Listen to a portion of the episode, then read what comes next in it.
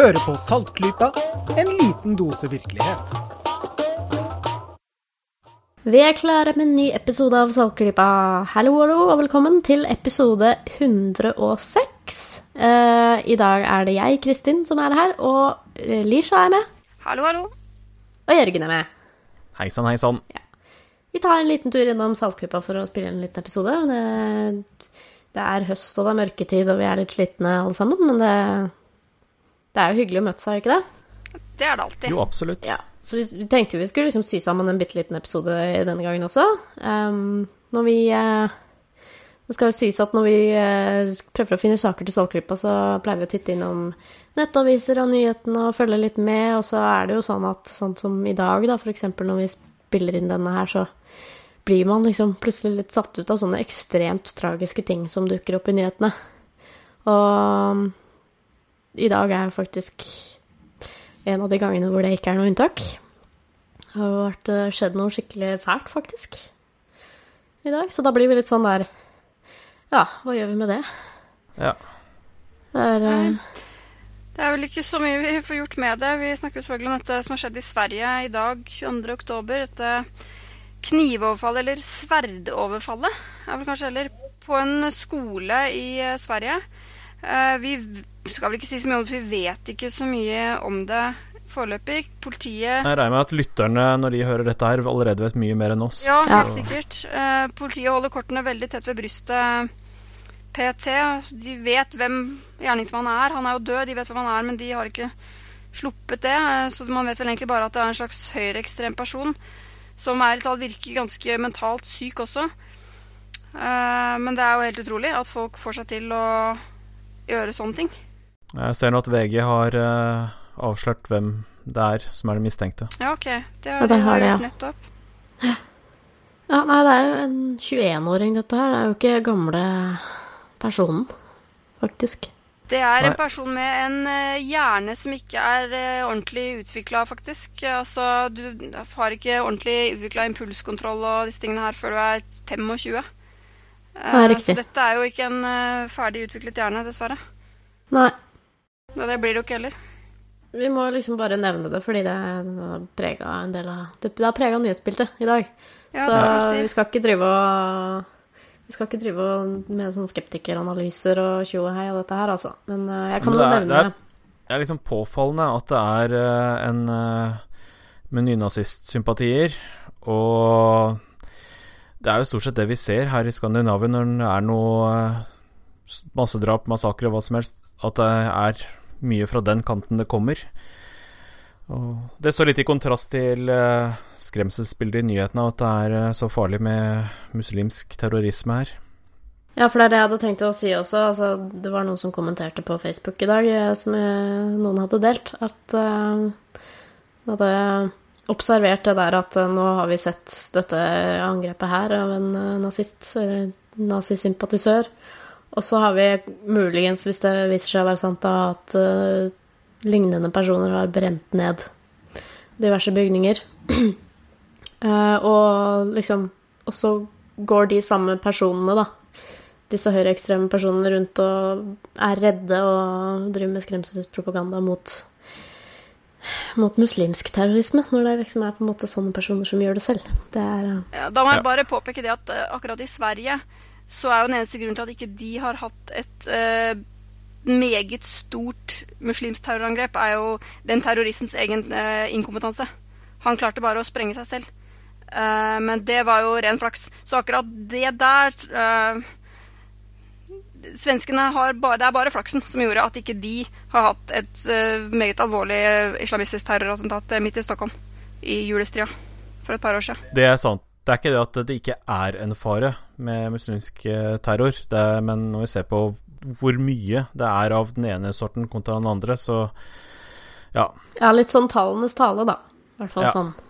Akkurat i Sverige så er det jo også et faktum at eh, de tok aldri noe oppgjør med nazismen eh, etter annen verdenskrig. Eh, og det tror jeg da kan nok være en betydelig årsak til at det er Når vi snakker om nynazisme i Norden, så er det jo Sverige som er eh, arnestedet. Eh, nynazister i Norge, det er jo 20-30 tomsinger. Eh, Men i Sverige så Danmark er det jo ikke stort problem, i Sverige så er det altså et skikkelig miljø. De har jo Der ser du jo er nazimarsjer og virkelig der, der har de aldri tatt et oppgjør med det, og det ser man jo også. At det lever fortsatt. Ja.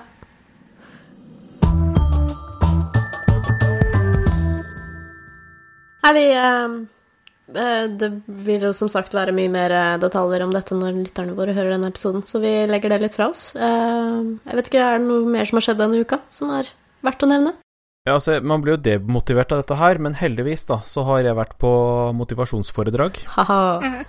Oi, Har du det, du? Så heldig du er. Ja, ikke sant? Jeg ble skikkelig, skikkelig motivert.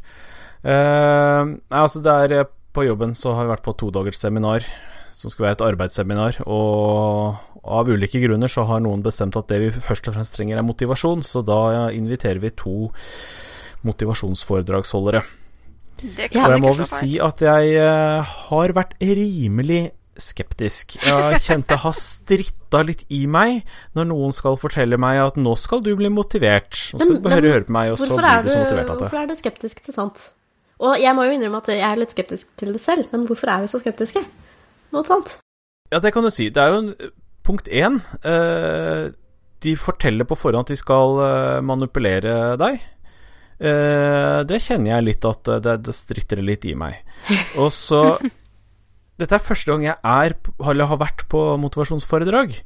Eh, I hvert fall sånn ordentlig. Og jeg har liksom bare hørt om fryktelig mye dårlig. Og at det er en del, blant annet fra alternativbransjen, som eh, tjener gode penger på å selge vanvittig dårlige greier til næringslivet. Så jeg hadde vel det litt i bakhuet, da. Gikk det bra? Ja, det er det, da. Eh, det gjorde faktisk det. Ja. Eh, det var nok for mye. Ved, til sammen så ble det noen timer med motivasjonsforedrag, og det var for mye. Men eh, det hjalp. Det funka. Eh, det var gode foredragsholdere. Han første som vi hadde lengst, han er psykolog, og er helt klart en seriøs fyr som jobber med eh, bedriftspsykologi. Og og det var liksom ikke bare foredrag, det var gruppearbeid og mye sånn, og tilbakemeldinger i plenum og masse sånn, og det, det var en prosess som faktisk fungerte. Og det andre som bare var ett foredrag, det var relevant, og dro opp stemninga sånn jeg opplevde. Så jo, det Ja. var ikke så gærent.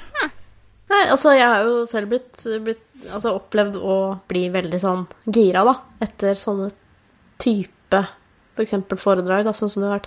Spørsmålet er om det, om det har en sånn varig effekt. Om det liksom hjelper for eksempel en bedrift da, å få mye mer effektive og motiverte ansatte av å kjøre et sånt foredrag. Ja, jeg kan si jeg anser dette som et uh, tidsbegrenset prosjekt, fordi vi er i en spesiell situasjon på jobben, med masse konsoliderte museer som prøver å samarbeide, og vi har hatt uh, en krise i ledelsen. Dette er eh, kjent stoff fra pressen for dem som gidder å slå det opp. Vi har mista direktøren vår og litt sånn. Uh, så det er liksom, vi har en periode vi må gjennom. Uh, og den prosessen så tror jeg vi håper at det er en kortvarig prosess, at ting er såpass vanskelig, og da er kanskje noen sånne foredrag akkurat det vi trenger. Gudene veit. Ja, men det får vi håpe at det går bedre. Jeg, det, jeg har kanskje sånn uten å ha noe backing på det sjøl, så har jeg jo troa på at i sånne situasjoner som du omtaler, hvor det er litt sånn omveltninger og litt sånn ting som skjer, som gjør at folk kan bli litt sånn Begynne å lure litt, da, så kan Mm. det kanskje ha noe å si. Ja. Liksom Du blir litt sånn betrygget, kanskje. Du Ja, får det litt var i sånn hvert fall en interessant opplevelse. Jeg Ja. hadde piggene ute fra start, og ble positivt overraska, egentlig. Ja, men det er greit.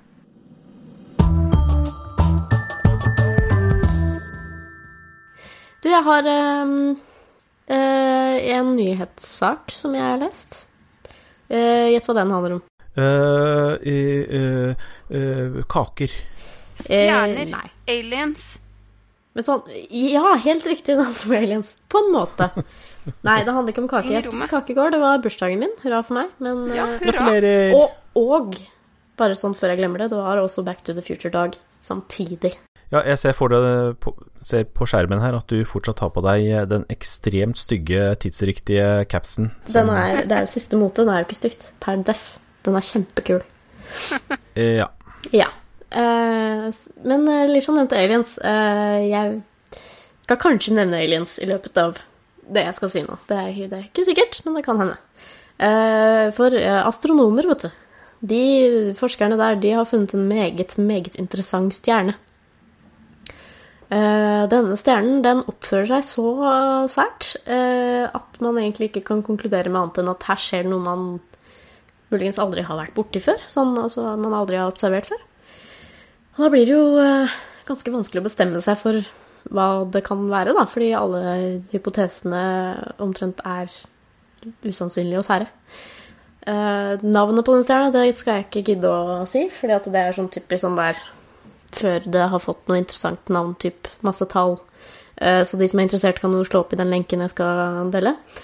Eh, Men eh, verdt å merke seg at det er en av over 100 000 stjerner som er observert av Kepler-sonden.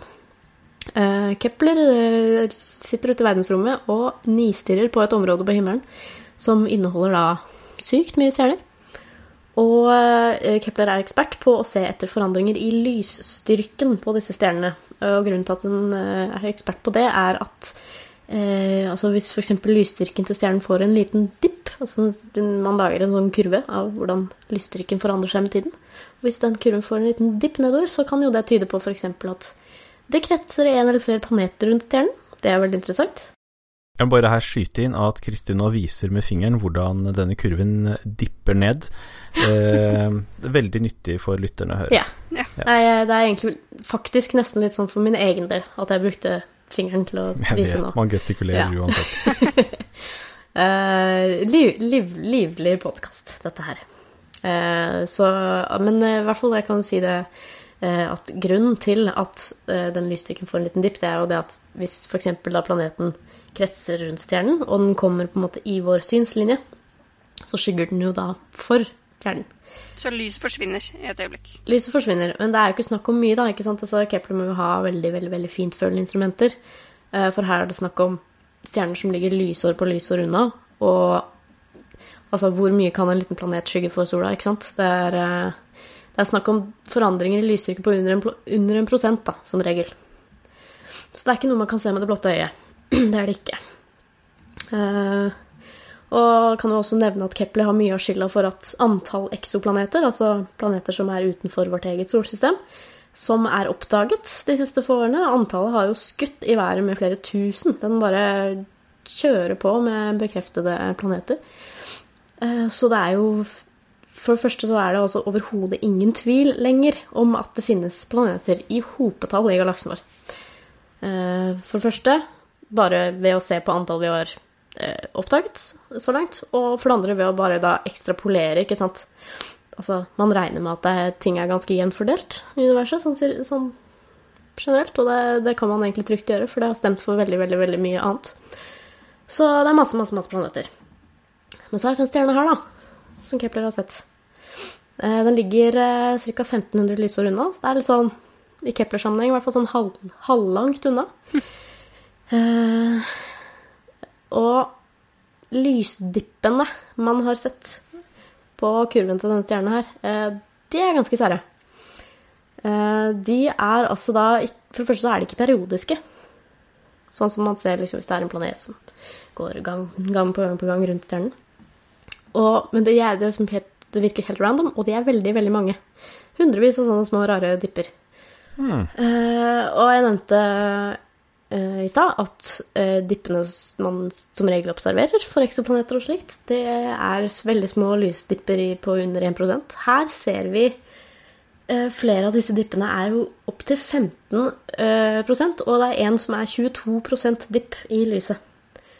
Altså bare Det det, gjør jo at forskere kan si med en gang at ok, dette her er ikke en planet. Eh, fordi altså, selv hvis vi tar en kjempestor planet, sånn som Jupiter-størrelse, da, for eksempel, så, så vil ikke den gi på langt nær så mye forandring i lysstyrke. Eh, så det er noe stort. Og det er veldig, veldig, veldig mange av det, og så videre og så det er interessant. Eh, Og disse forskerne har jo disse, dette, denne artikkelen som har kommet ut, prøvd å eliminere hva det kan være her.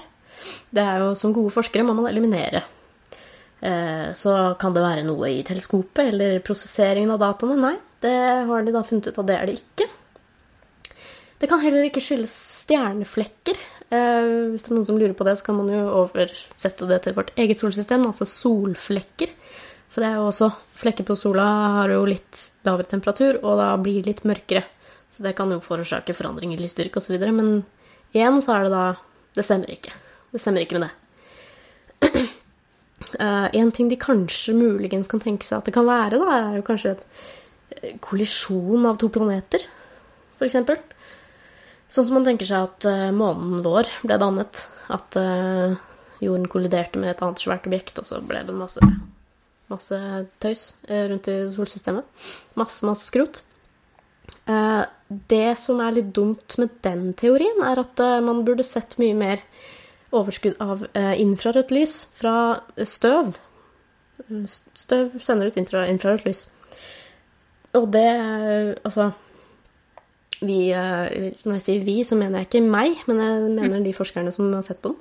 De kjenner jo hva slags stjerne dette er, altså sånn typen stjerne. da, Klassifikasjonen av stjerne. Og dermed så kan de da regne ut hvor mye infrarødt lys de burde se i de og de tilfellene. Og det, dette stemmer heller ikke med observasjonene, da. Eh, så er det da eh, noen som sier at kan det være en eh, annen stjerne i nabolaget som kan ha forstyrret gravitasjonsfeltet og dratt en hel gjeng med kometer forbi stjernen, f.eks. For sånn bare med sånn tyngdekrafteffekt. Uh, igjen, det er snakk om altså den, første, den største dippen der er på 22 uh, så det er sannsynligvis ikke nok. Og hvis det hadde vært nok, så er det fremdeles utrolig usannsynlig at vi skulle se akkurat den lille hendelsen der akkurat da. Så det er sånn, rent statistisk sett så er det ikke så veldig sannsynlig. Men det er en mulighet. Og så er det noen da som nevnte i forbifarten eh, og noen som har studert, brukt Kepler-data til å studere litt sånn eh, mulige avanserte sivilisasjoners eh, signaturer da, i disse dataene. Eh, her kommer vi inn på aliens. Yay! Aliens. Um, og liksom Ok, hvorfor skal vi dra inn aliens her? Det er jo alltid sånn usannsynlig usannsynlig, for å si det på den måten. Men uh, hvis man liksom legger det til side litt, da, og så tenker seg hva det faktisk kunne vært her, så har vi jo um, så har vi jo liksom en sånn, sånn teori som ligger ute om at hvis en sivilisasjon ble skikkelig tilstrekkelig avansert, så er det da en fyr ved navn Dyson som eh, teoriserte at de, de, kanskje kunne finne på eh, teknologi som gjorde at de kunne utnytte lyset til stjernen sin til fulle ved å bygge sånne megastrukturer eh, utenfor eh, banen til planeten sin, som gikk rundt hele stjerna. Det som har blitt kalt for en Dyson-sfære. Eh, som egentlig ikke er en tett sfære, men mer en sånn en sånt array av, av f.eks. solceller, da som en sånn utrolig svær, fet struktur. Som eh, krever ganske avansert teknologi, selvfølgelig. Eh, men som da, hvis man tenker litt over det, så er jo det noe som kanskje ville forårsaket en sånn formørkelse av stjernen, da, hvis man hadde sett det liksom på avstand. Jo, men ville ikke det fortsatt være litt mer regelmessig? Ja, men det kan hende den er under bygging eksempel. Ja, i så vanvittig fart at man ikke Ja Du høres ikke helt overbevist ut. Veldig hypotetisk her nå. Hæ? Hva sa du, Lisha? Jeg ser at du høres ikke helt overbevist ut. Nei Kanskje ikke. Det er jo ingen som, eh, som, heller sier at vi må eh, henge oss på en sånn teori. Eh, men som jeg har nevnt, så er det liksom så veldig mye annet her som man sier at ja, kan det være det, kan det være det, og så, og så tenker man at ja, men det er ikke sånn, men da, må, da, må vi, da måtte vi sett det, og så det er ganske usannsynlig. Og så. Jeg bare syns det er veldig morsomt og eh, interessant at når liksom Du vet at fenomenet du har oppdaget, er rart når aliens ikke lenger er sånn mye mer usannsynlig enn de andre teoriene du har. Så det er litt sånn morsomt. Ja. Og jeg hørte eh, Skeptics Guys in the Universe-podkasten snakke om dette her nå i forrige episode. De hadde eh, moromannen George Robb på besøk som gjest. Og eh, jeg syns det var veldig kult det han nevnte. Eh, at jeg kan gjenta det også, at eh, han, han, mente det at Jeg tror liksom ikke det, sa han. At når vi en gang kanskje oppdager at det er intelligent liv andre steder i universet, så tror jeg ikke det vil skje sånn derre kjempebrått, og at noe lander på foran Hvitehuset og presenterer seg selv i all prakt og skyter lasergunner og sånn. Sånn opplegg et, Take me to your leader. Ja, litt sånn. Det er ikke det, liksom? Han sa at det er, jo, det er jo kanskje mer sannsynlig at det vil skje veldig veldig gradvis. At man liksom observerer ting på lang avstand, så tenker man kanskje det er det, og så går det noen år, og så ser man litt mer, og så går det noen år til, og så ser man litt mer, og så blir det mer og mer sannsynlig, da. Ikke nødvendigvis at vi vil få kontakt med det på noen på overskuelig fremtid, men uh, jeg syns i hvert fall det var interessant det han sa, at det, det, er nok sånn det kommer til å skje, hvis det kommer til å skje. Ja. ja. Dere kjenner er, eh, sikkert La meg skyte ned ting. Dere kjenner sikkert uh, gamle Hva skal man si Gammel spøk, eller hvordan man skal definere det. At det sikreste tegnet på at det finnes intelligent liv i universet, det er at de aldri har prøvd å ta kontakt med oss. Nettopp. Nettopp. Var ikke det en Tommy og tigeren-stripe, eller noe sånt? Jo, det var det sikkert også. Ja. de reiste vel til månen, det gjorde de ikke den gangen, traff en, eller Mars noe, de traff en liten skapning på en eller annen planet. Men så, når de kastet litt søppel her, så fikk de så dårlig samvittighet, så de dro tilbake til jorda fordi de hadde ødelagt jorda. Det var derfor de ville reise, og så skulle vi reise til en annen planet og ødelegge den òg. Nei, det var for dårlig, så da tok de med seg søpla si og dro hjem. det er så bra. Altså det som er kult nå, da, at det, denne stjerna er såpass interessant at det, vi må jo bare finne ut hva dette er. Så nå er det jo litt sånn radioteleskoper og litt sånn som skal prøve å få lov til å observere denne her, da. Men man må jo stå i kø og bli godkjent og, og sånn for å få lov til å Jeg syns dette er så kult, for det er et virkelig mysterium.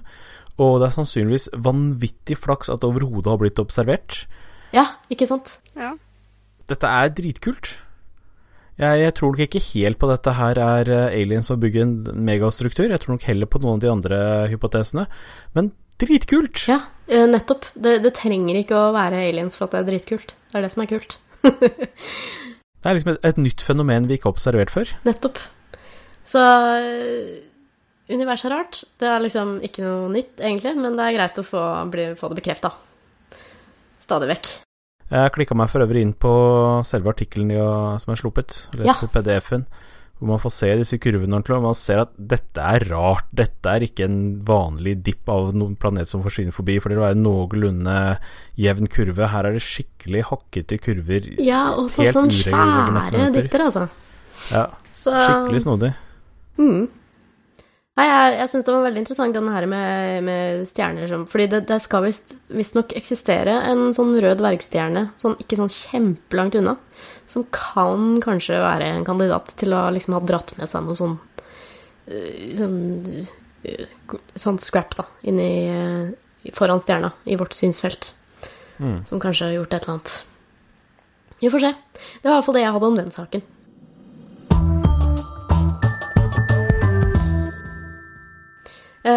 Vi har liksom ikke sånn kjempemye mer i kveld, men eh, er det noe noen har lyst til å liksom anbefale? Er det noen som har lest noen kule bøker i det siste, f.eks.? Ja, jeg har jo alltid lest noen bøker. Eh, jeg leser jo hele tiden bøker.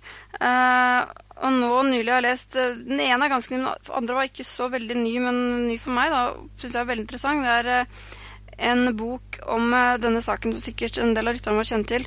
Uh, The West Memphis Three har de blitt kalt de som skulle foreslå å være skyldige i den saken. Uh, et trippeldrap på tre åtte år gamle gutter i West Memphis i Arkansas i USA. hvor tre personer som var saken fullstendig uvedkommende, ble dømt til henholdsvis 40 år, livstid og døden. Selv om de ja. var bare 18, 17 og 16 år. Eh, da dette skjedde, og ikke hadde noen ting med det å gjøre. Uh, og den boka den heter 'Devil's Not'. Den er skrevet av en journalist som fulgte saken helt fra bokstavelig talt helt fra begynnelsen. Uh, og var en av de ekstremt få i lokalsamfunnet som tvilte, eller våget å tvile, får man nesten si, helt på begynnelsen, på at dette her virkelig kunne stemme. altså Selvfølgelig så stemte at det var drap. Disse guttene ble jo drept på ganske bestialsk vis. men disse som ble dømt, hadde ikke noe med saken å gjøre. Og den virkelige morderen er jo over alle hauger og har aldri blitt funnet og kommer aldri til å bli funnet. Uh, og dette var i 1993, så det var jo midt i denne satanpanikken Stemmer det. som USA ble helt oppslukt av. Ja. Uh, og det var jo derfor uh, disse ble dratt inn i det. For han som liksom skulle være hovedmann, han som ble dømt til døden, han var En lokal sosialarbeider mente at han var satanist. da.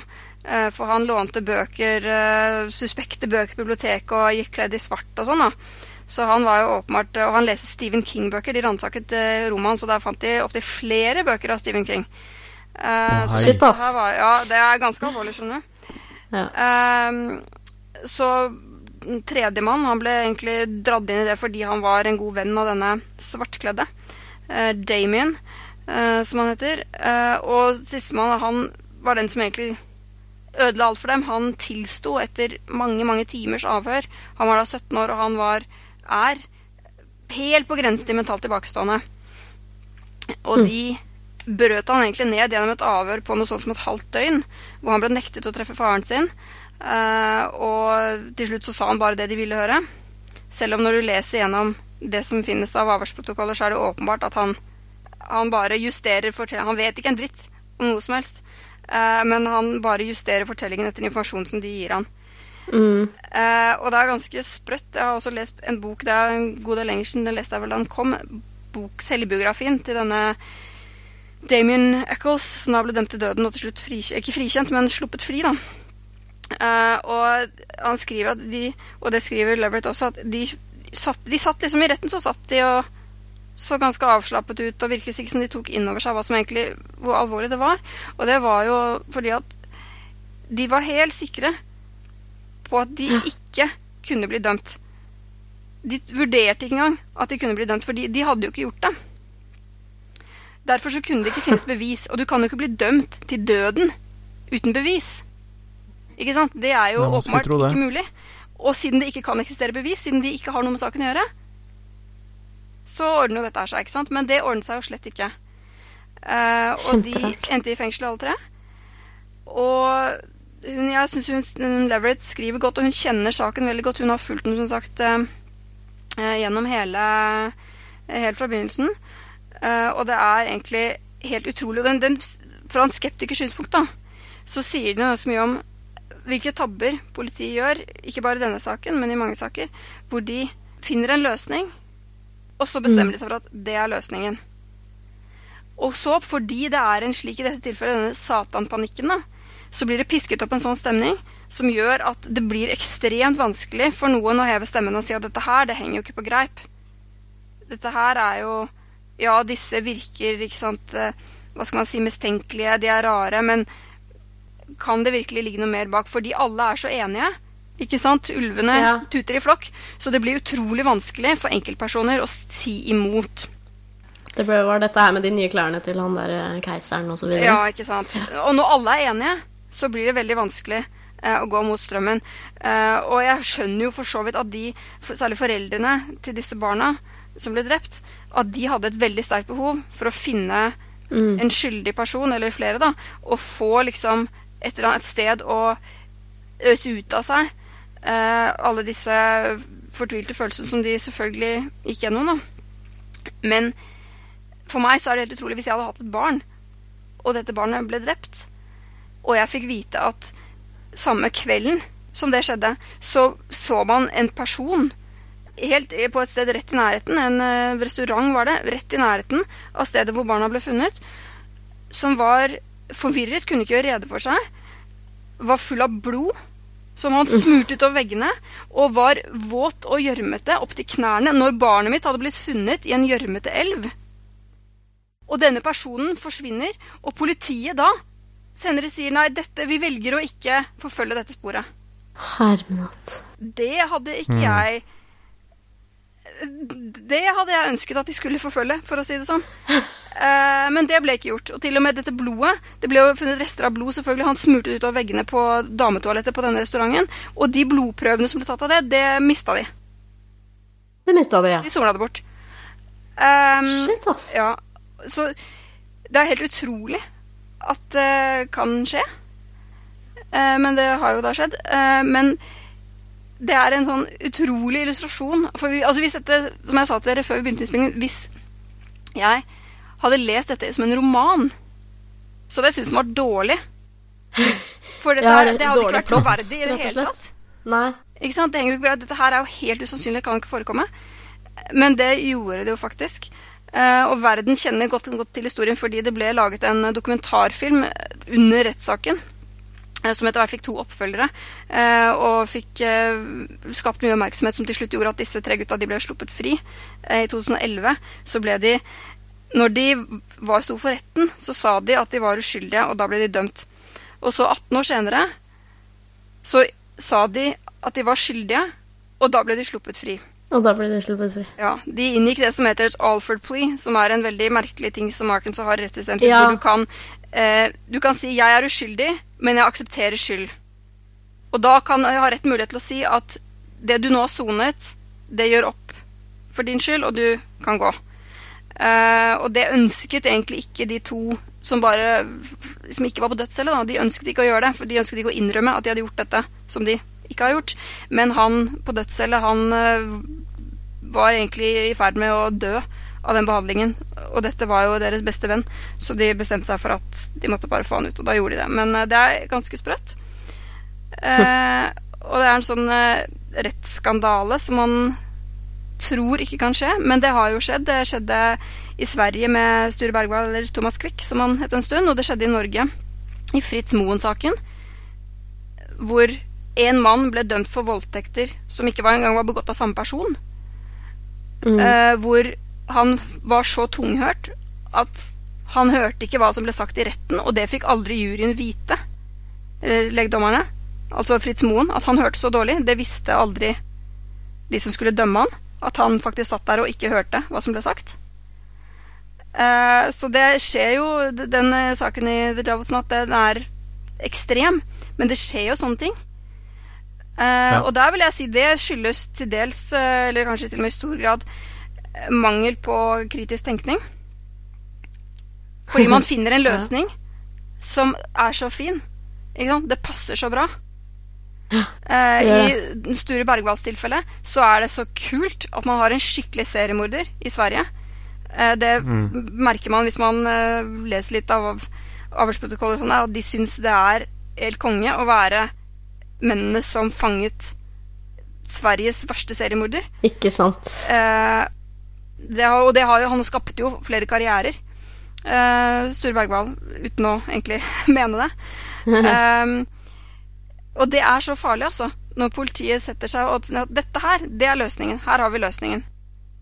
Ja. Så er det utrolig lett å bare se bort ifra eh, Som regel vil det alltid finnes bevis i mange retninger. Eh, og i slike saker hvor man faktisk eh, fokuserer på uskyldige personer, så vil jo de bevisene være de som leder riktig. Men når du føler at du har funnet løsningen, så er det så deilig å bare Bare satse på det. Bare si at eh, her har vi løsningen. Den fyren der ser ut som en skurk. Det er sikkert han.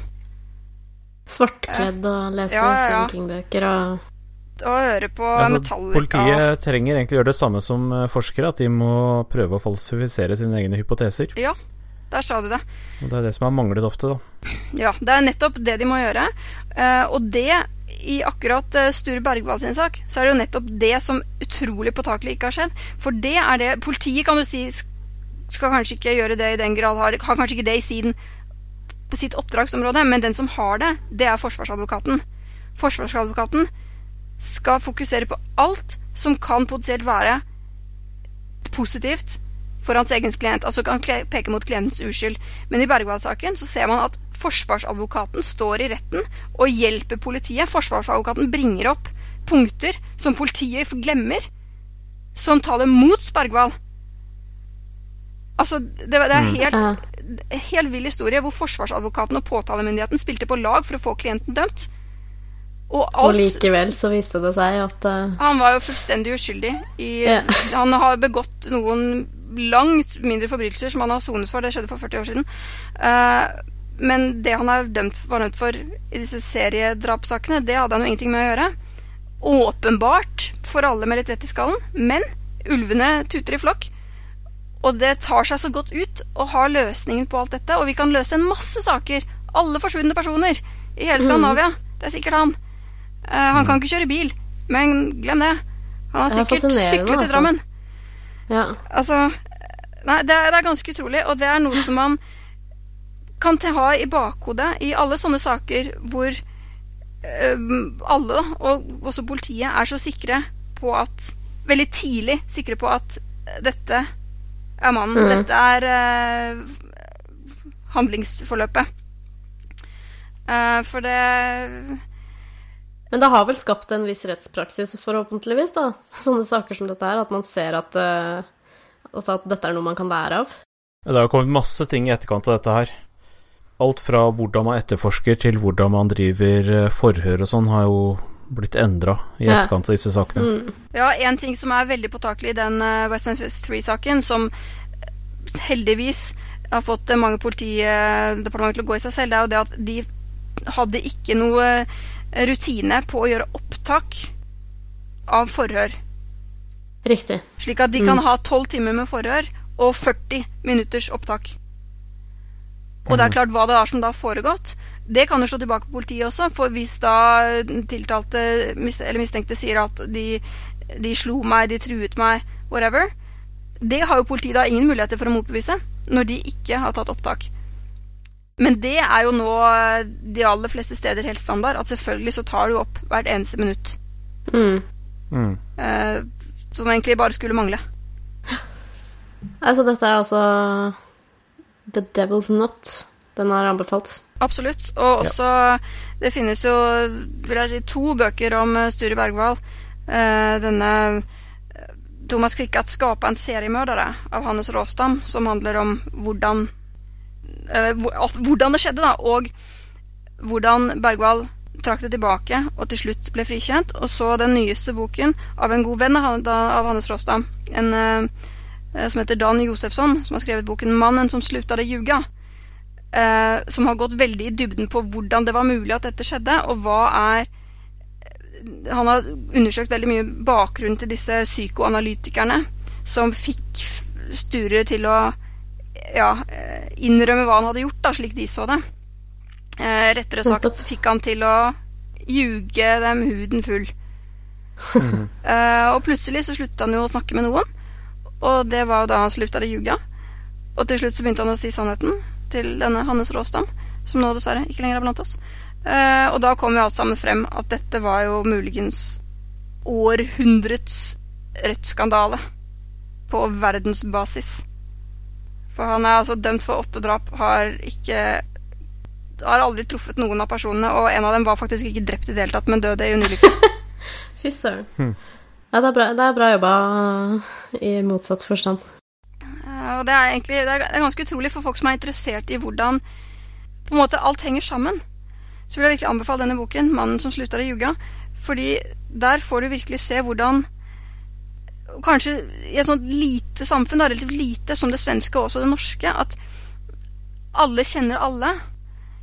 Det blir litt sånn innavl da, i sånne små miljøer. Sånne spesialistmiljøer i eh, små nasjoner. Eh, og det har så til de grader skjedd i Thomas Quick-saken. Og den boken han, Josefsson, han skrev den, hadde ikke en fjerneste anelse om hvor sprøtt det var, det han skulle komme til å grave frem. Så den boken er Hadde det ikke vært for at det er så tragisk at flere familier har fått feil informasjon, ikke minst eh, familien til det han ene som da faktisk ikke ble drept i det hele tatt, men bare frøs i hjel, som da måtte gå rundt og tro at sønnen ble voldtatt og torturert og drept og led en masse. Altså, det er jo nesten som å høre sånne historier om sånne påstått synske som eh, altså, fucker opp livet til stakkars folk som Ja. kanskje er lure til å tro at det har skjedd noe helt annet med deres avdøde slektninger eller savnede slektninger. Ikke sant? Det er helt, sånn, det er helt sykt, det her bare. Det er virkelig helt sykt, men her jeg, jeg kan skjønne at disse menneskene de har trodd mye mer på det de har fått høre, enn sånne som da blir utsatt for synske. For dette her var politi og påtalemyndighet som sa dette. Selvfølgelig. Og det bør man jo egentlig gjøre. Ja, man bør kunne stole på dem. Eh, Ja. Men i noen av sakene, den eh, mest berømte saken som eh, i Sverige, da, som eh, han ble dømt for, så har jo han, det offerets foreldre, de har aldri trodd at Bergwall hadde noe med det å gjøre, og de har kjempet imot det og prøvd å komme ut i media for å si at dette her var ikke det som skjedde med vår sønn. Men de har også hatt problemer med å bli hørt. For det er klart, når politiet, som har etterforsket dette så nøye, når de sier det, så vet jo sikkert de best, ikke sant? Og hvorfor skulle han tilstå hvis han ikke hadde gjort det? Nei, nettopp. Hva blir konklusjonen da? At man eh, ikke skal, ikke skal stole på politiet? Eh, Du skal i hvert fall ikke stole på én politimann, Mm. men man må ha flere stemmer. Flere må se på saken. Og man skal heller ikke stole på Altså, har du en magefølelse på noe, så skal du ikke la deg overkjøre av hva skal man si, myndighetspersoner som heller vil klappe deg på hodet og si ja, ja, lille venn, men vi vet tross alt best. Nettopp. Eh, for det er slett ikke sikkert at de gjør til enhver tid. Dessverre. Sånn er det. Som Ja. igjen, det har vært flere saker her i Norge også hvor man har kunnet se at politiet vet slett ikke best. Dessverre. Ellers så syns jeg det er betryggende når man ser en sånn sak hvor, som, hvor det virker åpenbart hva som har skjedd, at man har en klar gjerningsmann som avisen allerede har skrevet om, og politiet fortsatt sier at vi følger flere spor, så er det et godt tegn. Det tyder på at Ja. politiet ikke lurer seg sjøl. Faktisk. Ja, De vet kanskje noe de ikke sier. Og det er akkurat det som du sa der, Jørgen, at de lurer seg selv. Det er jo det som også skjer i sånn eh, vitenskap som går feil. At man har funnet noe, en teori eller et eller annet som man liker så godt. At man lurer seg selv til å se bare de bevisene som støtter opp rundt den. Nemlig. Mens de som går i andre retninger, de klarer man å lure seg selv til å se bort fra, fordi det er så mye bedre hvis bare det jeg Den, tror jeg er nå. Gode, stemmer. gamle bekreftelsesskjevheten der, altså. Ja. Ja. Dette ble en lang anbefaling. Ja, det ble en veldig lang eh, anbefaling. Jeg tror vi skal ha et sånn uh, nytt segment som heter Bøker Lisha har lest. Ja, når jeg først begynner å snakke om bøker, så holder jeg gjerne på en stund. Ja. ja, men det er fantastisk. Altså, jeg unner alle å snakke så mye de vil om bøker. Ja, bøker er en bra ting. Ja.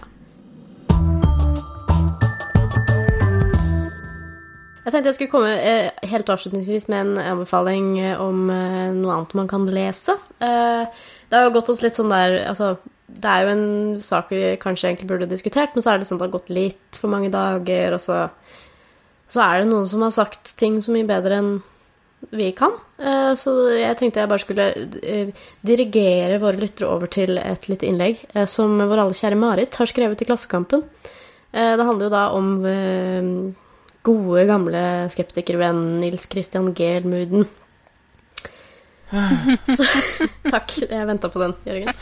Som skrev Den Det ble jo forrige uke, når dette Ja, minst en uke siden, i hvert fall. I Aftenposten så skrev han uh, veldig mye rart. Og tilfeldigvis så kommer han også ut med en ny bok i disse dager. Nei, er det sant? Yeah. Det er jo, det er jo det, det, Denne personen er jo eh, forfatter av den spennende boken eh, 'Sannheten på bordet', om hvor farlig alt, absolutt alt vi spiser, er. Eh, Og nå kommer da eh, det man kan kalle oppfølgeren 'Sannheten i glasset', hvor da også alt vi drikker, også er farlig, eh, inkludert det norske drikkevannet. Så da vet jeg nesten ikke lenger hva vi kan putte i oss, jeg. Det er vel egentlig bare å legge seg ned og vente på sultedøden, altså. For det er ingenting igjen man kan spise som er trygt. Nei, egentlig. Man må bli sånn derre breatharian, som det heter på godt norsk. Sånn som bare lever av sollys og sånn bare trekker energi inn i kroppen. Det tror jeg er best. Ifølge han. Nei, men det, det, Han har kommet med et eh, sitat, og jeg har ikke tenkt å begynne å forklare sammenhengen i sitatet, for det er såpass ja, snodig. Eh, Så jeg bare, jeg bare tar liksom Altså, det er blitt et berømt sitat i skeptikerkretser i det siste, og han sa følgende da eh, det er ingen som forteller folk at når laksen har spist det samme som gris i ti år, så blir den gradvis en gris. Og så sier han da videre laksen har blitt pølse. Så eh, det Marit gjorde, skrevet et, Og det var jo flere andre som, som skrev også, men eh, Marit skrev det veldig fint i Klassekampen. Eh, som også annet er republisert på Den norske skeptic-bloggen. Skal linke til det. Um, eh, en artikkel som heter 'Rosinen i fiskepølsa'. Det er veldig fint. Som handler eh, om det at eh, da hvis, hvis det er noen som kaller seg ekspert, så må du kanskje tenke på at det er faktisk ikke en beskyttet tittel. Eh, så vi bare anbefaler at lytterne våre leser den. Den er ikke så veldig lang, den er, og den er veldig fin. Verdt å lese. Ja. Flink Marit. Ja. Skriv mer sånn.